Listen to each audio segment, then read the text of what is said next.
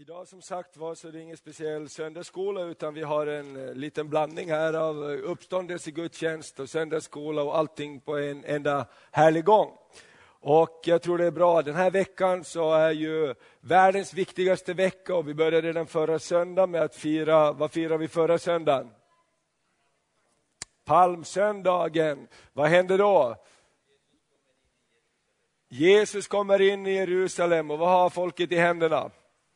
Palmblad och de sjunger Hosianna, Davids son, välsignade han som kommer i Herrens namn. Och på måndag så rensar Jesus templet, han blir arg på alla som använder templet till någonting annat än att tillbe Gud, så han vältrar omkull borden och han släpper ut duvorna och fåren och kör ut allihop därifrån. Han är riktigt arg. Och sen på tisdag så undervisar Jesus i templet på onsdag så går Judas, förrädaren, till Stora rådet och säger, jag vet hur ni ska få, kan få fast eh, Jesus, jag vet var han befinner sig. Och han får 30 silverpengar för det. På, torsdag, eh, på onsdag så smörjs också Jesus i Betania och Jesus säger, det här är inför min begravning. Och på torsdag, skärtorsdagen, då firar vi eh, nattvard tillsammans för då instiftar Jesus nattvarden. Och på fredagen, som vi kallar långfredagen, det är då Jesus döms, pinas och korsfäst på korset. Och då är det mörkt och vi har haft ett stort mörkt skynke bakom korset där som visar att det var mörkt, det var dystert. Korset var en plats av död och förbannelse som Jesus tog på sig. Men prisat var det Herrens namn. Det slutar inte där, utan det slutar idag som är uppståndelsens söndag. Jesus lever. Amen, halleluja. Han är uppstånden, han är sannerligen uppstånden. Och över hela världen så proklamerar man den här dagen att Jesus Kristus är uppstånden. Och idag så ska jag fortsätta lite och prata om den här bilden här. Det här är en eh, tavla som vi har haft här någonstans förut. Eh, Hängande säkert i 10-15 år och jag frågar några, vet ni var den där tavlan har hängt? Det var ingen som har kommit ihåg att den har hängt här i kyrkan. Men vi har plockat fram den och det här är berättelsen om hur Maria får möta Jesus vid den tomma graven. Här är Maria, här är stenen som är bortrullad, där är graven och här står Jesus. Och för att nu säkert veta att det här är sant så har vi varit och kollat det här. Och vi ska titta på några bilder så ska du få se att det verkligen är så här fortfarande, att graven är tom. Och vi har skickat ut en reporter till Israel och han heter Erlindo. Han kommer här på väggen snart, ska ni få se.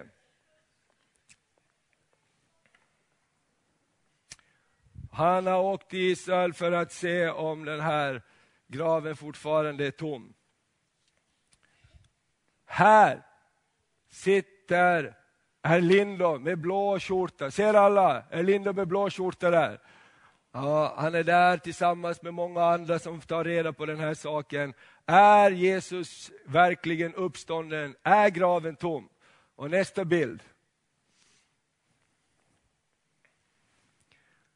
Där så står han och han är lite osäker. Ser ni hur osäker han är? Kommer det att bli verkligen någonting?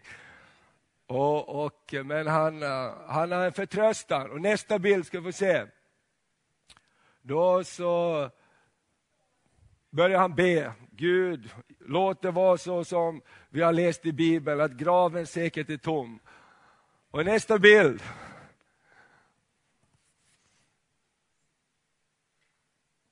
Då ser man här, Erlindo tillsammans med många andra. Ser ni där borta i blå skjorta? Där står Erlindo och han köar till den här platsen, till den graven som man menar att Jesus låg i.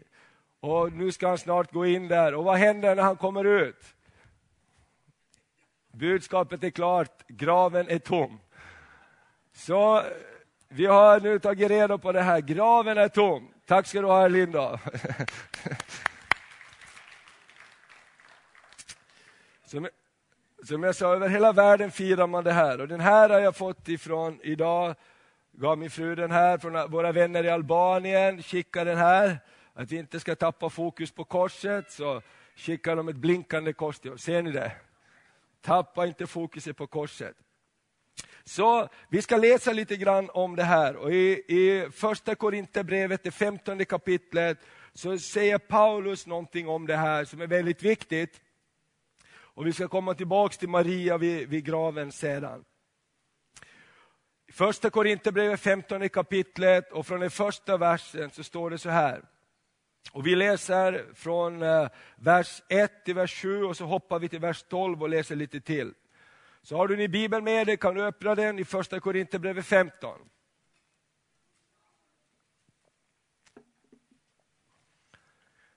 Då står det så här, bröder och systrar inkluderade. Jag vill påminna er om evangeliet som jag predikade för er och som ni tog emot och står fasta i och genom vilket ni blir frälsta. Jag vill påminna er om orden som jag förkunnade och ni nu håller fast vid dem. Annars var det ju förgäves att ni kom till tro. Jag meddelar er det allra viktigaste, vad jag själv hade tagit emot.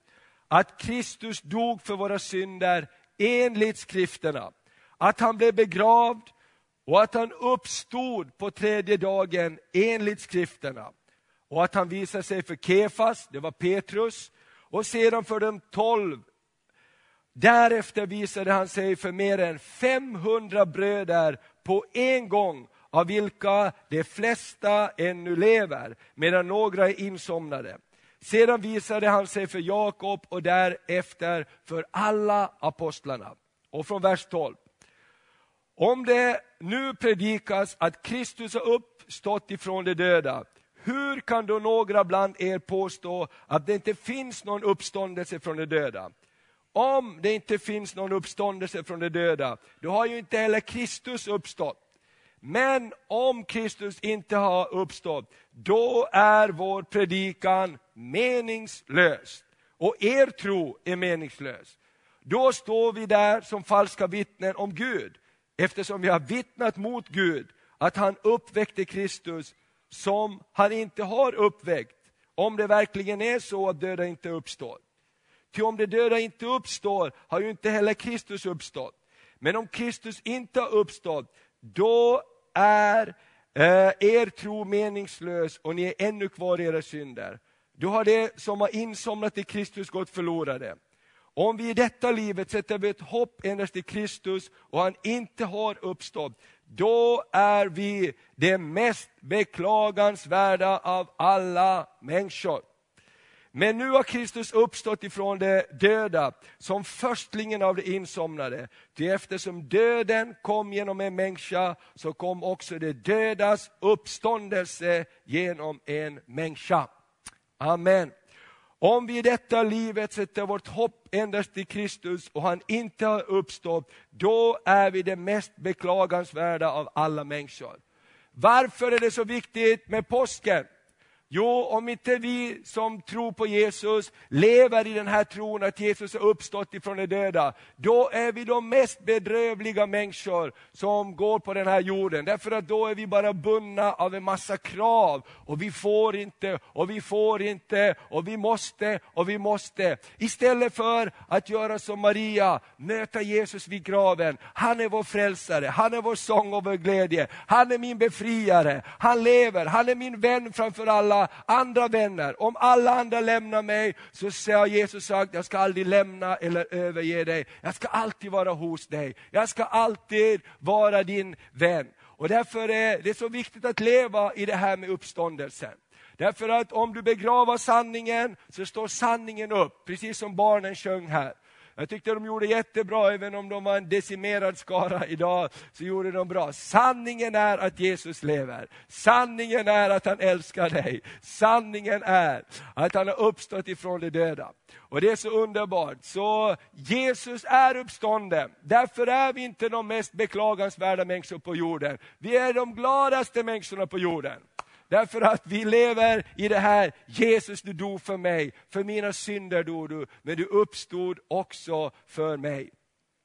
Jesus Kristus är uppstånden. Ja, han är sannerligen uppstånden. Hälsar man varandra över hela jorden den här morgonen. att det är söndag eh, morgon vi firar gudstjänst. Det kommer också att det var på söndag morgon kvinnorna gick till graven. Det var på söndag morgon man, man, man fann att han var uppstånden. Och efter det här så började de troende, som senare började kallas kristna, samlas tidigt i gryningen på söndag morgonerna, den första veckodagen, för att tillbe Jesus, för att påminna varandra om, han är uppstånden, han är inte död, han lever. Uppståndelsens stora gåva till mänskligheten är syndernas förlåtelse. Varför dog Jesus? För att vi skulle få syndernas förlåtelse. Mats läste evangeliet här ifrån Johannes och där så står det att han dog och han uppstod för att vi skulle få syndernas förlåtelse. Det är det mest underbara. Hur många har haft behov den här veckan att säga förlåt mig? Förlåt mig Jesus, vi har alla haft det. Och tänk om inte Jesus hade dött och uppstått, då hade vår hela, hela, hela förlåtelsen varit helt meningslös. Men nu är den inte meningslös, därför Jesus är uppstånden och har sagt, jag bar dina synder. Jag vann priset för syndens straff, jag tog det på mig. Jag dog på korset, men synden och döden kunde inte behålla mig, för jag var utan synd. Därför är jag upp uppstånden ifrån de döda och jag lever. Amen. Och det är det här som är de goda nyheterna. Gå ut i hela världen och berätta att Jesus lever. Dina synder är dig förlåtna. Jesus är inte arg på dig. Han älskar dig. Han längtar efter dig. Han vill vara din vän, han vill vara din frälsare. Och det är det som är så underbart. Uppståndelsens stora gåva är vad mera? Jo, frid med Gud. Jesus sa det flera gånger eh, i Johannes 20 som vi hörde. Eh, om lärjungarna blev glada när de såg Herren. Jesus sa det ännu en gång till dem. Frid vare med eder. Och en annan gång så står det, då kom Jesus medan dörrarna var låsta och stod mitt ibland dem och sa, frid vare med eder. Vad ger uppståndelsen oss? Det ger oss frid med Gud. Frid som ingen kan ta ifrån dig, mitt i din oro, mitt i tankar kanske som plågar dig, så kan du hitta ro och frid hos Gud. Jag tycker det är en av de mest fantastiska saker. Människor kan leva i ett otroligt armod, de kan gå igenom jättesvåra svårigheter, men människor som har funnit friden hos Gud kan ändå ha en slags salighet över sig. Och man förundrar sig, hur kan ni som har gått igenom så mycket, hur kan ni som har, har plågats så svårt eller lever i ett land som är så jobbigt, hur kan ni ha sån salighet? Jo, vi lever i det här, Jesus är uppstånden. Jesus är uppstånden. Han har förlåtit oss och han är vår frid. Vad mera är uppståndelsens stora gåva till mänskligheten? Jo, rening från synd och smuts om och om genom Jesu blod. Johannes, det första kapitlet, säger ifrån de första verserna så här. Om vi har syndat, du kan lyssna till det här, står det så här. Men om vi vandrar i ljuset, liksom han är i ljuset, så har vi gemenskap med varandra och Jesu, hans sons blod, renar oss från all synd. Om vi säger att vi inte har synd bedrar vi oss själva och sanningen finns inte i oss. Men om vi bekänner våra synder är han trofast och rättfärdig så att han förlåter oss våra synder och renar oss från all orättfärdighet. Vad är uppståndelsens stora gåva till mänskligheten? Det finns rening, det finns förlåtelse, det finns upprättelse. När det har gått fel så kan det börja gå rätt igen. När vi har kommit fel så kan vi komma in på banan igen. När vi har misslyckats så finns det någon som vill lyfta upp dig och säga, låt oss gå vidare.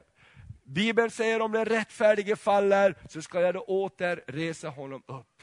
Jag tycker det är underbart att påminna oss om Guds stora gåva i uppståndelsen. Förlåtelse för våra synder, frid i våra hjärtan och rening om och om igen genom det offer som Jesus gav på korset.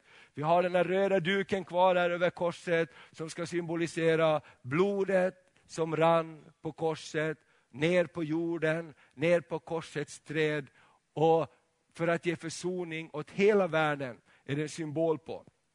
Och sen för det fjärde, vad är uppståndelsens stora gåva till mänskligheten? Jo, att vi får kallas Guds barn.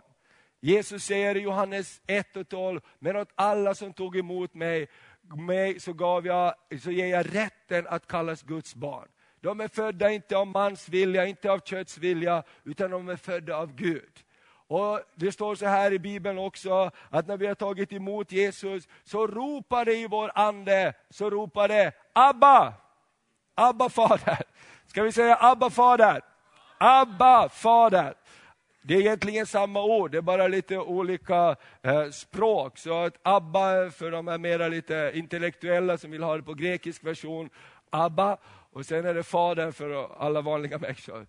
Det är lite roligt där, för det betyder samma sak. Abba Fader, halleluja. Din ande, när du har tagit emot Jesus, vittnar, Guds ande vittnar med din ande om att det är ett Guds barn. Och på insidan så ropar det, pappa, Abba fader, halleluja. Kan du vända dig till någon och säga, jag är så glad att jag är ett Guds barn. Amen, jag är så glad att jag är ett Guds barn. Halleluja. Du vet att ibland så känner vi oss ensamma, ibland så känner vi oss som världens mest ömkansvärda och ensamma och ingen förstår oss. Då är det så bra att säga, Abba, Fader. Halleluja, jag är barn till en kung. Jag är pappas pojke. Halleluja, jag är pappas pojke, du är pappas flicka om du är en kvinna. Amen. Jag ska inte göra som någon predikant säger. Ska alla säga, jag är pappas pojke? Alla kvinnor får problem. Utan vi är Guds barn. Halleluja, vi har fått barnaskapets ande inom oss. Det som var omöjligt för oss, det gjorde Gud i Jesus Kristus. Han kom till oss när vi varken ville eller kunde komma till honom. Han förlät oss medan vi ännu var syndare, står det. Medan vi alla ville gå vår egen väg bort ifrån honom, så lät han Jesus dö på korset. Det tycker jag att det är bra att komma ihåg. För ibland när du ser människor som du tycker, åh vad de är dåliga, åh vad de är syndiga, åh de borde verkligen ändra på sig i samhället. Kom ihåg, han dog för oss medan vi alla var syndare. Medan vi alla vände honom ryggen. Alla vände vi pappa ryggen och sa, jag vill gå min väg.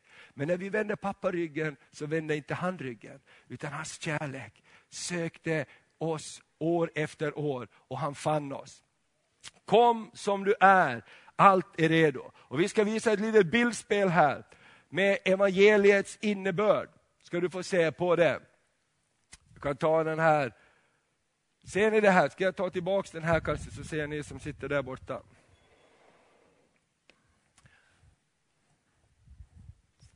Ska vi börja om? Går det bra? Kan man backa?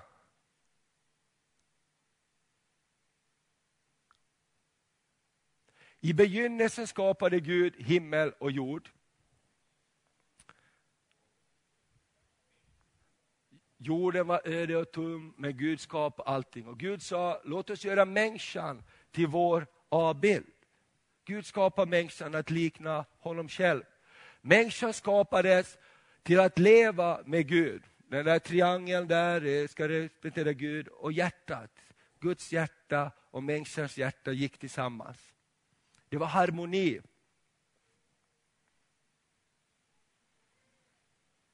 Det var glädje. Guds hjärta till människans hjärta. Men så hände någonting. Människan vände Gud ryggen. Ni såg en tår trilla ifrån Guds öga där. Det blev som ett stort gap mellan Guds kärlek, plan och människan. Man kunde inte nå varandra längre. Det som skiljer människan och Gud kallas synd. Därför Gud är rättfärdig. Och Det står så här, Herrens arm är inte försvagat rädda, hans öra är inte dövt och så vidare. och så vidare. Det står om människan som vände sig bort ifrån Gud, som inte ville veta av Gud. Nästa bild. Driven av sin längtan har människan gjort olika försök för att komma till Gud. Religion. 99, 95 procent av världens människor är religiösa på något sätt. Karriär. Upplevelser. Ingenting nådde fram till Gud. Njutning. Får jag bara lite till så kanske det ordnar sig. Men ingenting kunde överbrygga skillnaden. Men, visst är det härligt att det finns ett men. Så älskade Gud världen att han gav sin enfödde son för att det som tror på honom inte ska gå under utan ha evigt liv. Men, ty så älskade Gud världen. Nästa bild. När Jesus dog på korset så överbryggar korset gapet mellan Gud och människa. Och Gud erbjuder oss möjligheten att komma tillbaks till honom igen. Hjärtat börjar slå, Guds hjärta kommer in till den människans hjärta. Guds hjärta går ut till var och en. Och den som tar emot Jesus, den som tar emot Guds kärlek, så börjar det flöda från människan till Gud. Från människan till Gud. Du kan låta det där vara på. Från människan till Gud så strömmar det Faderns kärlek. Och när vi säger ja till Jesus så börjar det slå i vårt hjärta. Pappas pojke, pappas flicka. Och det händer någonting. Jag vet inte, du som är här idag, du kanske tänkte det här var bara en vanlig söndagsgudstjänst, uppståndelsegudstjänst. Jag tror att den här gudstjänsten är en Guds kallelse till dig och mig från pappa. Jag är uppstånden, jag betalar priset. Glöm inte bort, lev inte uppståndelsens verklighet. Lev i verkligheten att Jesus är uppstånden, annars så får ni ett bedrövligt liv. Religion försöker binda människor. Du får inte, du får inte, du skall inte. Jesus vill göra människan fri. Amen. Till slut så vill jag bara nämna lite grann om dessa, den här bilden igen. Du, tack ska du ha, du kan klicka ner där. Vi pratade om när, i början när Mats läste evangeliet enligt Johannes kapitel 20, så ser vi att det var tre stycken personer som var där. Först så kom kvinnorna till graven. Och när de kom till graven så såg de att stenen var bortrullad och då blev de skraja. Så då sprang de till lärjungarna och sa, stenen är bortrullad, det är någon som har tagit bort stenen. Graven var tom. De, de kikade in och så, så står det att när Petrus hörde det här och när Johannes, den lärjunge som Jesus älskade, hörde det, då sprang de. Och så står det lite roligt också att den andra lärjungen sprang fortare. Johannes, han sprang fortare än Petrus. Och han kom först fram. Men när Johannes kom fram, och jag vill tala om de här tre personerna lite grann, för de kan lära oss jättemycket i våra liv. När Johannes kom fram så står det att han bara tittade in. Många människor kommer bara till öppningen när det gäller kristen tro, när det gäller till det Gud har för oss. Och man tittar in, vad, vad är den här kristna tron för någonting? Vad har Gud för oss? Ja, det skulle vara spännande, men jag vågar inte gå in. Sen kommer Petrus, han är lite senare och han får inte på bromsen, så han bara springer rakt in där. Det står att han bara går rakt in, och när han går in, då följer Johannes med. Vet du vad det säger mig? Vi behöver varandra. Vi behöver hjälpa varandra att finna den tomma graven. Någon kommer in bättre än någon annan, är frimodigare, dra med någon vän. Dra ner med någon vän och se att graven är tom. De här två som kom in, Johannes och Petrus, de fick se att graven var tom. Och de fick se linnebindlarna ligga där. Och eh, så står det så häftigt att den linnebindeln som var över, över Jesu ansikte, den låg ihopvikt på ett särskilt ställe. Det står så, att när de kom in så står det så, han gick in i graven och såg linnebindlarna ligga där och duken som hade täckt huvudet. Men den låg inte tillsammans med bindlarna utan för sig, hopvikt på en särskild plats. Och då vet vi ju den judiska berättelsen och traditionen. Vad betyder en hopvikt duk? Jo, det betyder, det är ett budskap i det. Det betyder, tack för mig, hit kommer jag inte tillbaks. När man går på en middag i Israel, vi ska nu åka till Israel med familjen i eftermiddag här faktiskt, det ska bli jättekul. Och vi ska gå och titta på graven och kolla om den är tom också. Och Judith sa, och vi ska bada också.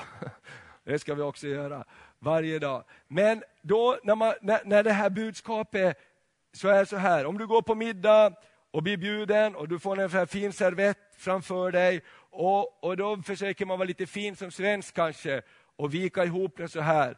och lägga den vackert på tallriken. Gör inte det. För då säger du till världen, tack för mig, det var trevligt att komma hit, men det smakar inte gott och hit vill jag aldrig mera komma tillbaks.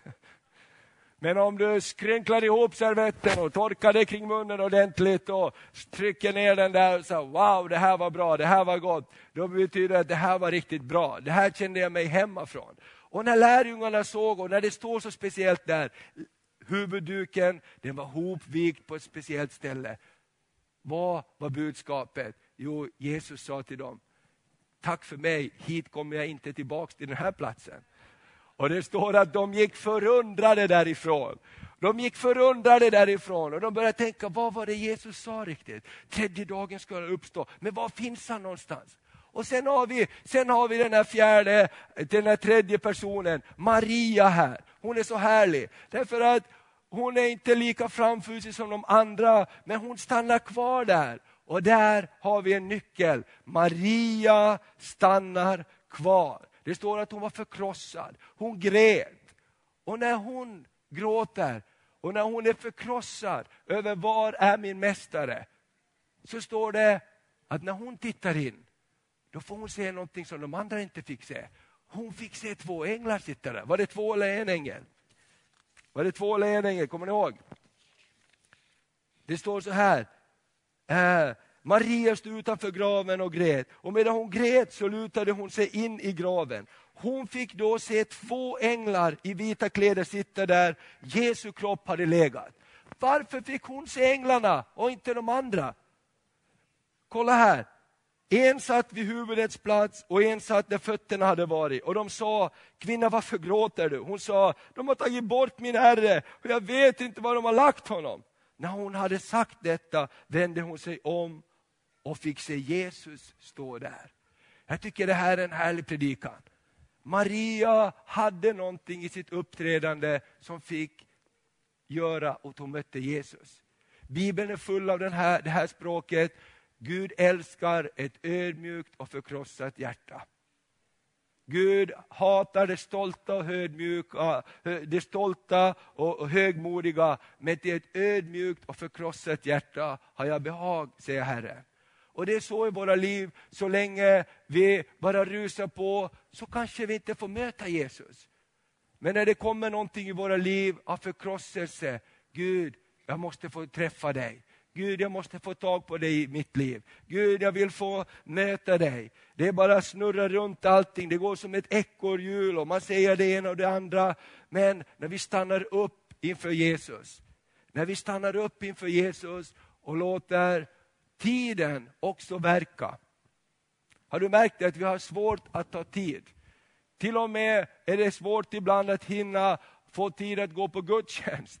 Eller hur? Ibland är det svårt när man ska öppna Bibeln att hinna läsa Bibeln. Det är svårt. Har någon upptäckt det? Ibland måste man ta det. När man ska be till Jesus så är det 10, 1011 saker, skulle jag vilja säga, som kommer i en sinne vad man också skulle kunna göra. Det finns någonting här, tror jag, som är en nyckel. När Maria, när Maria mötte Jesus så gjorde hon det för att hon dröjde förkrossat kvar vid graven. Någonting nytt föds ur förkrosselsen. Därför Jesus vill ha oss till 100 procent. Jag vill avsluta med det här, Lukas 19 och 10.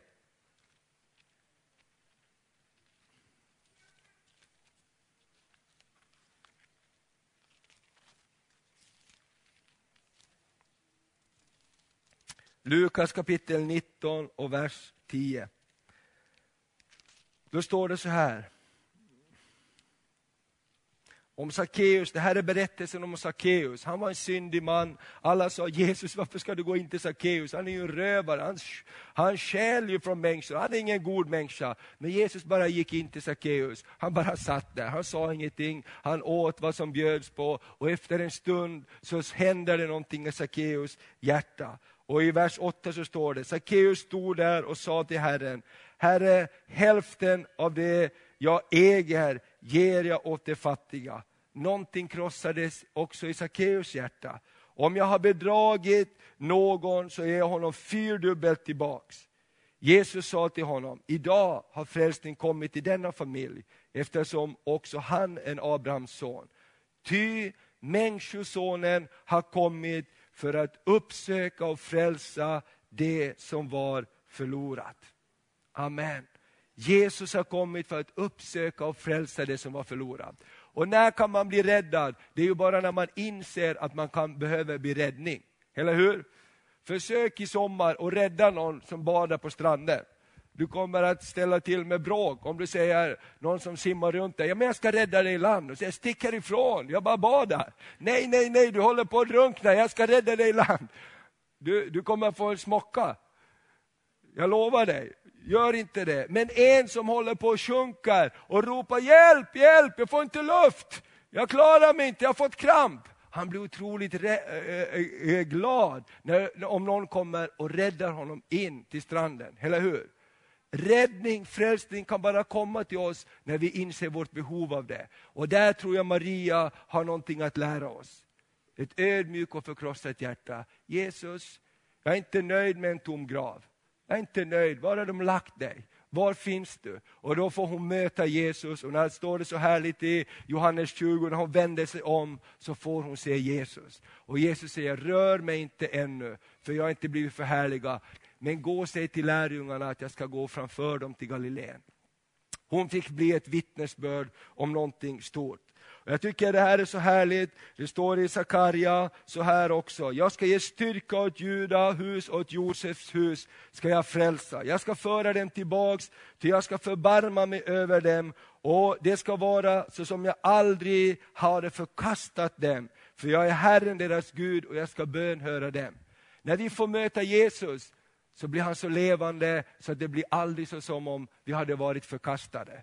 För det är det som är syndanöd. Jag är förkastad, men när vi tar emot Jesus så blir vi upptagna, vi får barnaskapets ande. Och det är så underbart. Jag vet inte hur det är med dig, men jag har haft syndanöd några gånger i mitt liv och det är som någonting som gnagar på insidan, som håller på att äta upp en på insidan. Därför jag vet att jag vet att jag vet, jag har inte frid med Gud. Men när man får ta emot förlåtelse, när man får säga Jesus förlåt mig, rena mig. Ah, det är som om pappa tar upp mig i famnen och säger det är som det aldrig har hänt. Jag vet inte ens vad du pratar om, jag har förlåtit dig. Amen. Så det finns någonting underbart när det gäller evangeliet. Så låt oss komma ihåg det här när det gäller uppståndelsen. Och när Jesus sedan möter lärjungarna så säger han, gå ut i hela världen och för ut det här glädjebudskapet, att jag är uppstånden. Era synder är förlåtna, jag är inte längre arg på er, utan jag älskar er. Och vårt gensvar är att säga, Jesus, här är jag. Förlåt mig, Jesus jag vill komma hem igen. Så låt oss vara som Maria. Låt oss komma ihåg Maria vid graven. Hon stannade kvar, hon hade en förkrosselse i sitt hjärta och hon fick möta den levande Jesus Kristus. Amen. Ska vi be tillsammans? Fader, jag bara tackar dig för den här påskdagen, eh, när vi får ha uppståndelse, den här söndag som är uppståndelsens dag. Jesus, jag bara tackar dig för att du inte ligger i graven. Tack att graven är tom. Och vi ber Jesus, precis som Maria, precis som Petrus och Johannes hade det här behovet att möta dig, så ber vi Jesus, hjälp oss i vårt vardagsliv, så att vi kan vara som Maria, så att vi kan dröja kvar, som inte bara skyndar vidare, Herre. Jag ber för var och en som lyssnar till det här budskapet, till var och en som ser på, på TV, på den här predikan. Herre, jag tackar dig för att du söker oss var och en. Jag tackar dig för att du klappar på vårt hjärtas dörr och det finns mera att upptäcka hos dig. Hjälp oss att inte bara springa vidare som Petrus och Johannes gjorde, utan hjälp oss att dröja kvar så vi får en upplevelse med dig du som, den är, du som är den uppståndne Jesus. Jesus, jag tackar dig. Tackar dig Herre. Du känner varje hjärta som finns här i den här gudstjänsten. Du ser att många kanske är precis, känner sig som Petrus och Johannes. Jag tittar kanske bara in, jag bara kollar snabbt, är det här någonting för mig? Får jag ut någonting av det här? Och så skyndar man vidare. Fader, jag bara ber att du vill röra vid våra hjärtan. Så att inte vår tro på dig blir bara någonting som att jag är med i kyrkan, typ jag är kristen. Men det här hjärte, hjärtat som går från Guds hjärta till oss Det slår inte som det borde göra. Så jag ber den här uppståndelsemorgonen, låt det här hjärtat börja slå igen Herre. Ber om det Herre, ber om det Fader, för var och en. Jesus, jag bara tackar dig.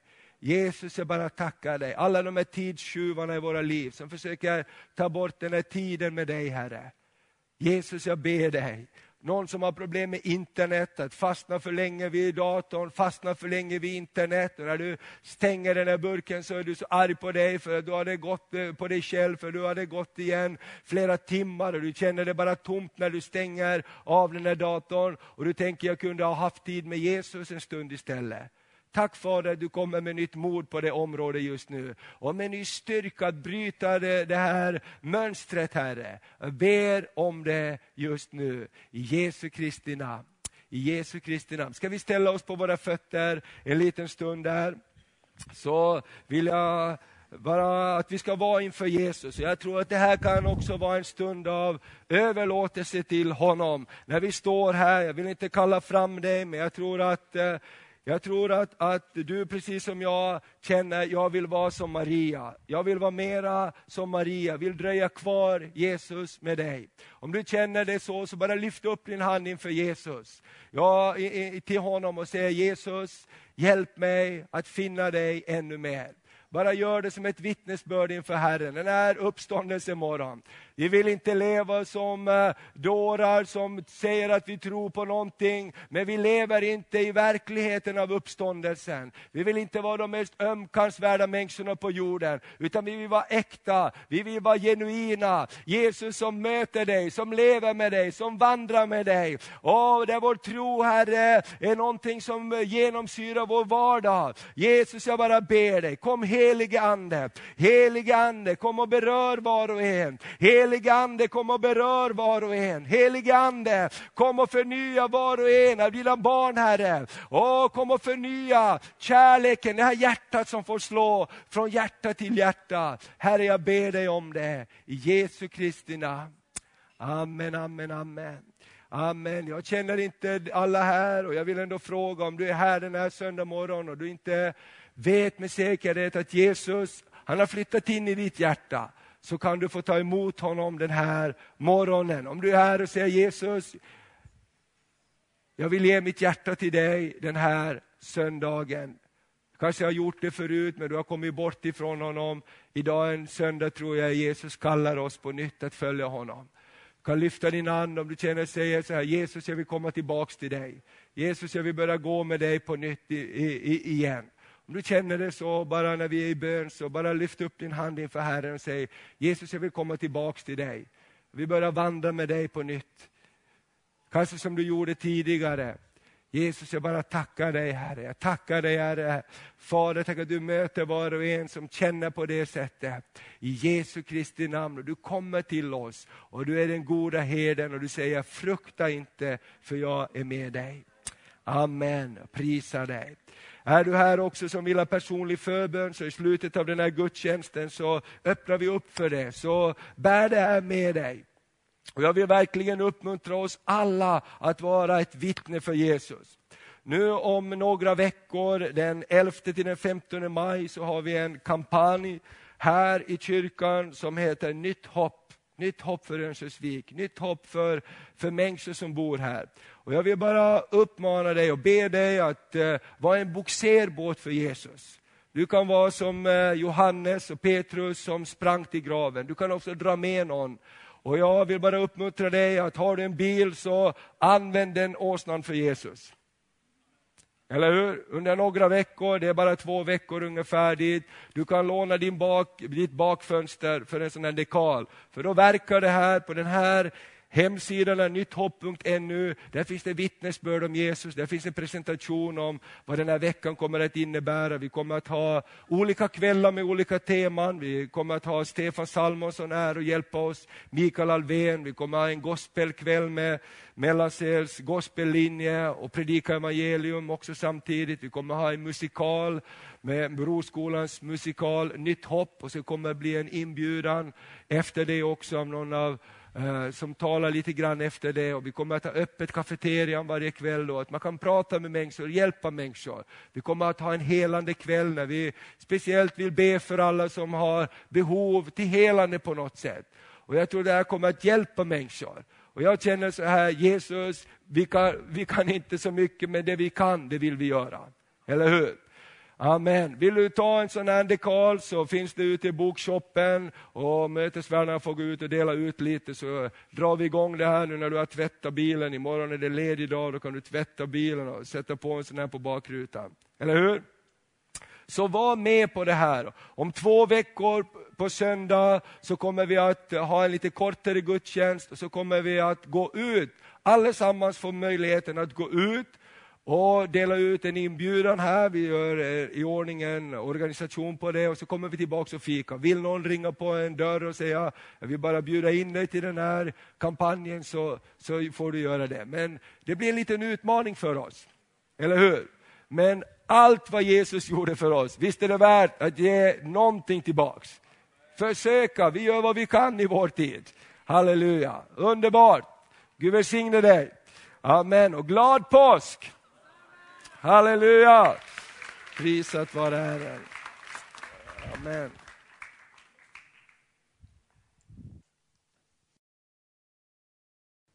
Härligt. Här har vi teamet. Vi har Mattias som är sjuk faktiskt. Vilken härlig trailer. Många minnen som kommer tillbaka här. Ja, vi har ju faktiskt varit här nu då förra veckan. En vecka i Albanien. Vi var fyra stycken och eh, eh, de två huvudsyftena var ju då att eh, vara med på bibelskolan. Livets Ord har en bibelskola i Lac, norra Albanien, där jag var med och undervisade. Men även att eh, knyta kontakter gällande biståndsarbetet som vi startar upp här. Och vi ska bland annat då eh, hjälpa upp församlingen i Latch med det arbete som de står i där. De gör ett fantastiskt jobb där. Eh, så att eh, vi har, eh, du såg lite grann här på trailern. Vi var med och hade med oss faktiskt en liten hjälpsändning och kunde dela med oss både av leksaker och kläder men även en del pengar då som, som vi gav över. Då. Så jag tänker att nu får ni berätta lite grann så kan jag berätta lite grann i slutet i så fall. Josefin, ska du börja? Ja, alltså först och främst så är man ju bara så förundrad över Alexander och Vera som alltså verkligen ligger i och gör grejer. Jag hörde ju att Alexander, han var väl pastor i tre församlingar och han har bibelskolan, ja men det är väl varje dag nästan. Eh, och så Vera som har det här eh, där hon hjälper barn som inte får gå i skolan. Och, eh, de har ju barnhem och de hjälper de här i Senabyn och, och så vidare. Så att, och så helt underbar familj, så att det var verkligen ja, men, fascinerande om man kan säga så. Och eh, ja, men, även om man jämför med när man går i skolan här och man, man liksom utbildar sig själv och man tänker bara på sig själv och så vidare så det känns verkligen som att man får göra någonting som faktiskt betyder någonting ordentligt när man får åka iväg så här och, och hjälpa. Ja. Så att eh, det är ju som sagt blandade känslor på alla sätt. Det är ju både kul att vara med men det är fortfarande det är tungt, det är jobbigt att se allt liksom men ja, man, om när man vet att man kan hjälpa till så känns det ju ändå bättre. Ja. Var det något speciellt så där som du, du har i minne från den här resan? Någonting som kanske berörde dig eller som du vill berätta? Ja, alltså det var ju som grannarna, som, de som bodde ganska nära Alexander och Vera. Det var två äldre damer och en som hade en son som var runt 40 år och han hade varit förlamad sedan han föddes och stum. Och de hade, liksom, de hade tre rum i huset ett rum gick inte att vara i för taket hade rasat in. Och där de skulle sova höll taket på att rasa in så de kunde inte vara där. Så alla sov på golvet i ett rum och så sonen då i en säng där. Då hade de liksom kök och sov där på golvet. Eh, och så hade de inget vatten så de hade ställt ut liksom bunkar utanför för att samla regnvatten och så här. Och eh, då var de ju liksom tre stycken ja, men, tjejer och han då som det var en, en av dem då, hon gick upp jättetidigt på marknaden och köpte saker som hon sålde dyrare sen på kvällen för att hon skulle kunna klara sig för den dagen. Ja, så att det var väldigt så här, ja, det kändes lite jobbigt att se men samtidigt så, ja. Ja, som sagt, det här var min första resa till Albanien och det jag har att säga just nu det är att hur tur och hur, vilken förmån vi har att bo i Sverige.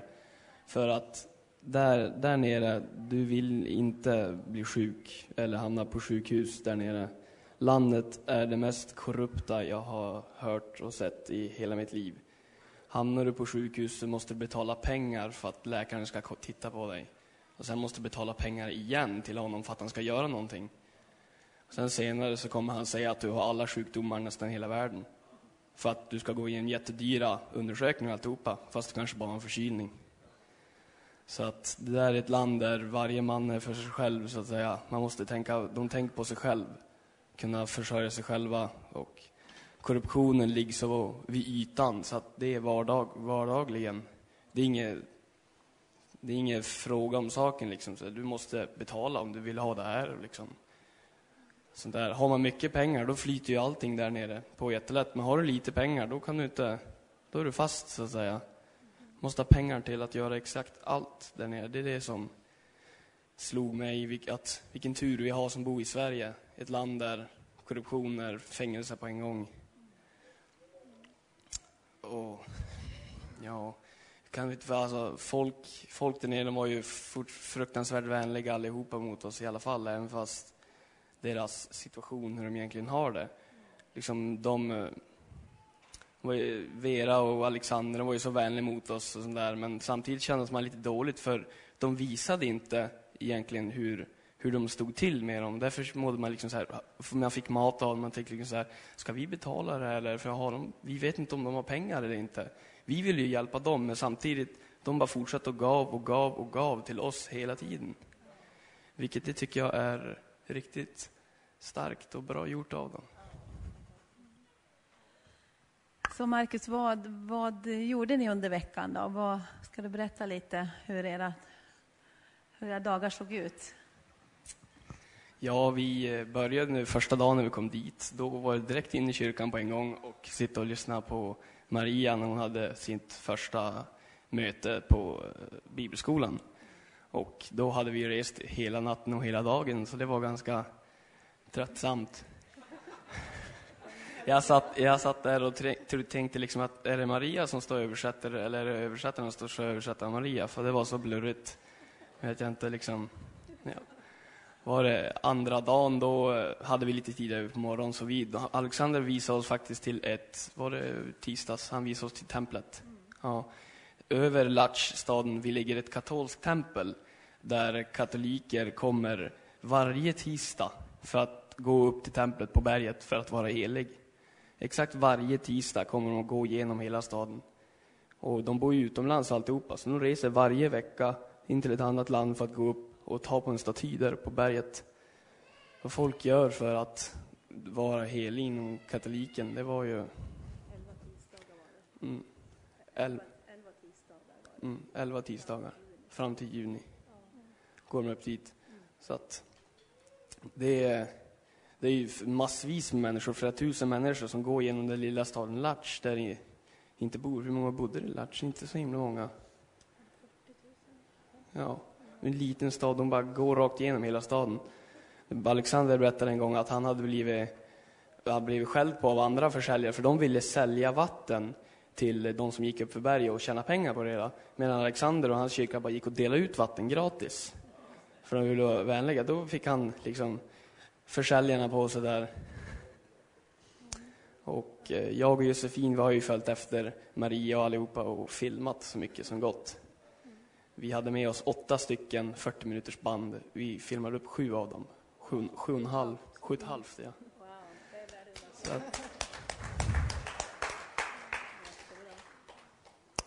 Jag var vid onsdagen, då var det, vi gjorde inte så, alltså, de höll oss liksom så här i ett koppel.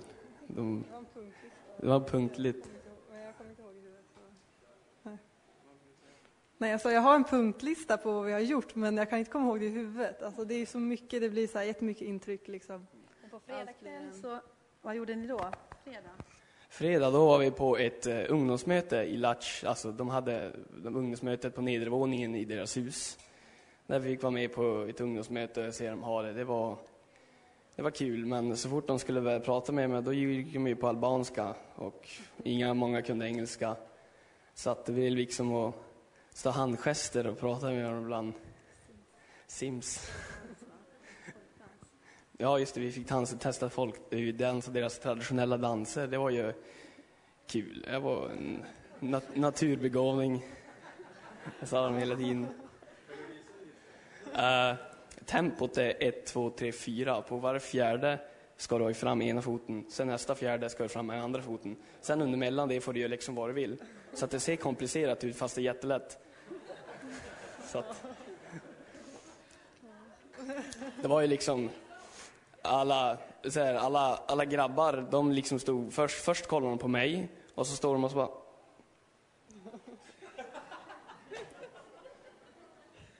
Gör de sådär liksom, som rörelse för att peka liksom hur stor jag är. Och sen så kollar de på Josefin och så liksom så här. Mm. Tyckte Josefin var jättefin. Så att, faktiskt på ungdomsmötet där efteråt när vi bara umgås, då gick vi från att bryta arm till att måla teckningar.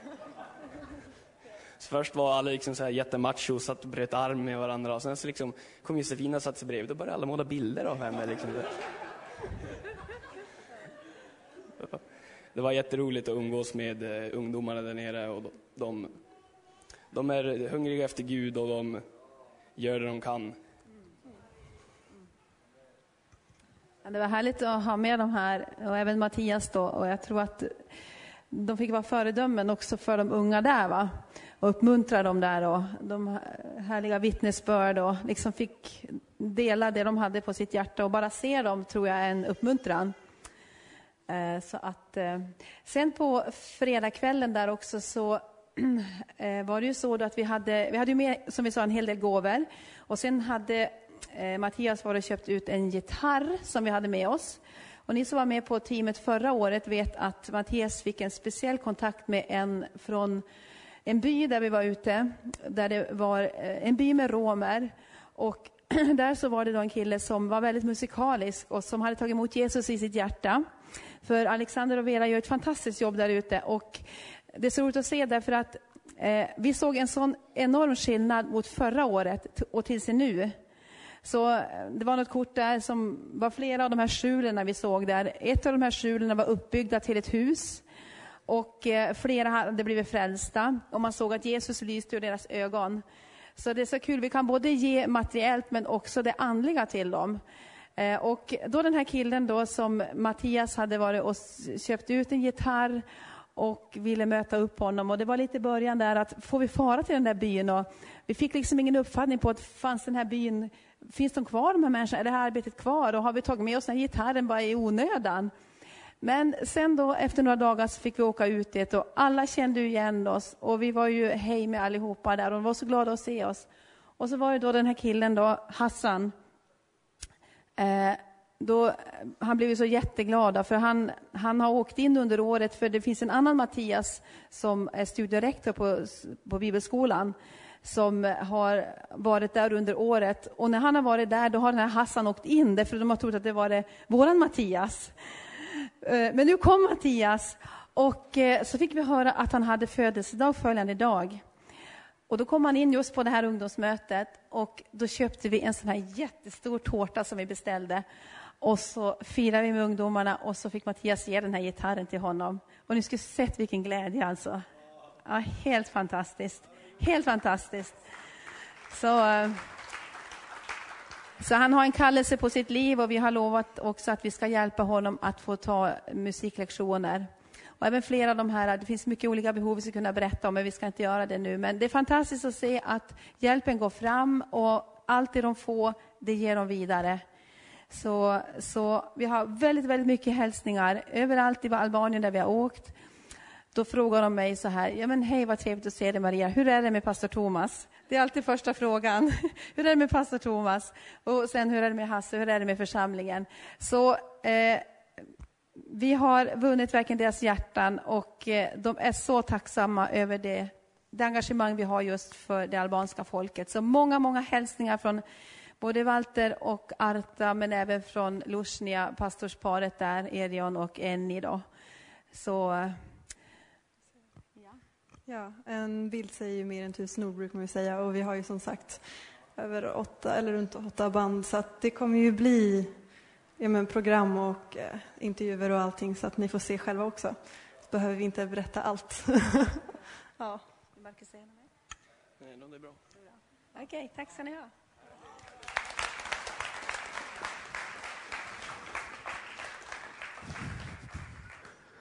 Herren välsigne dig och bevare dig. Herren låter sitt ansikte lysa över dig och vare dig nådig. Och Herren vände sitt ansikte till dig och give dig frid i Faderns, Sonens och den helige Andes namn. Amen. Så gå i frid och tjäna Herren med glädje. Amen.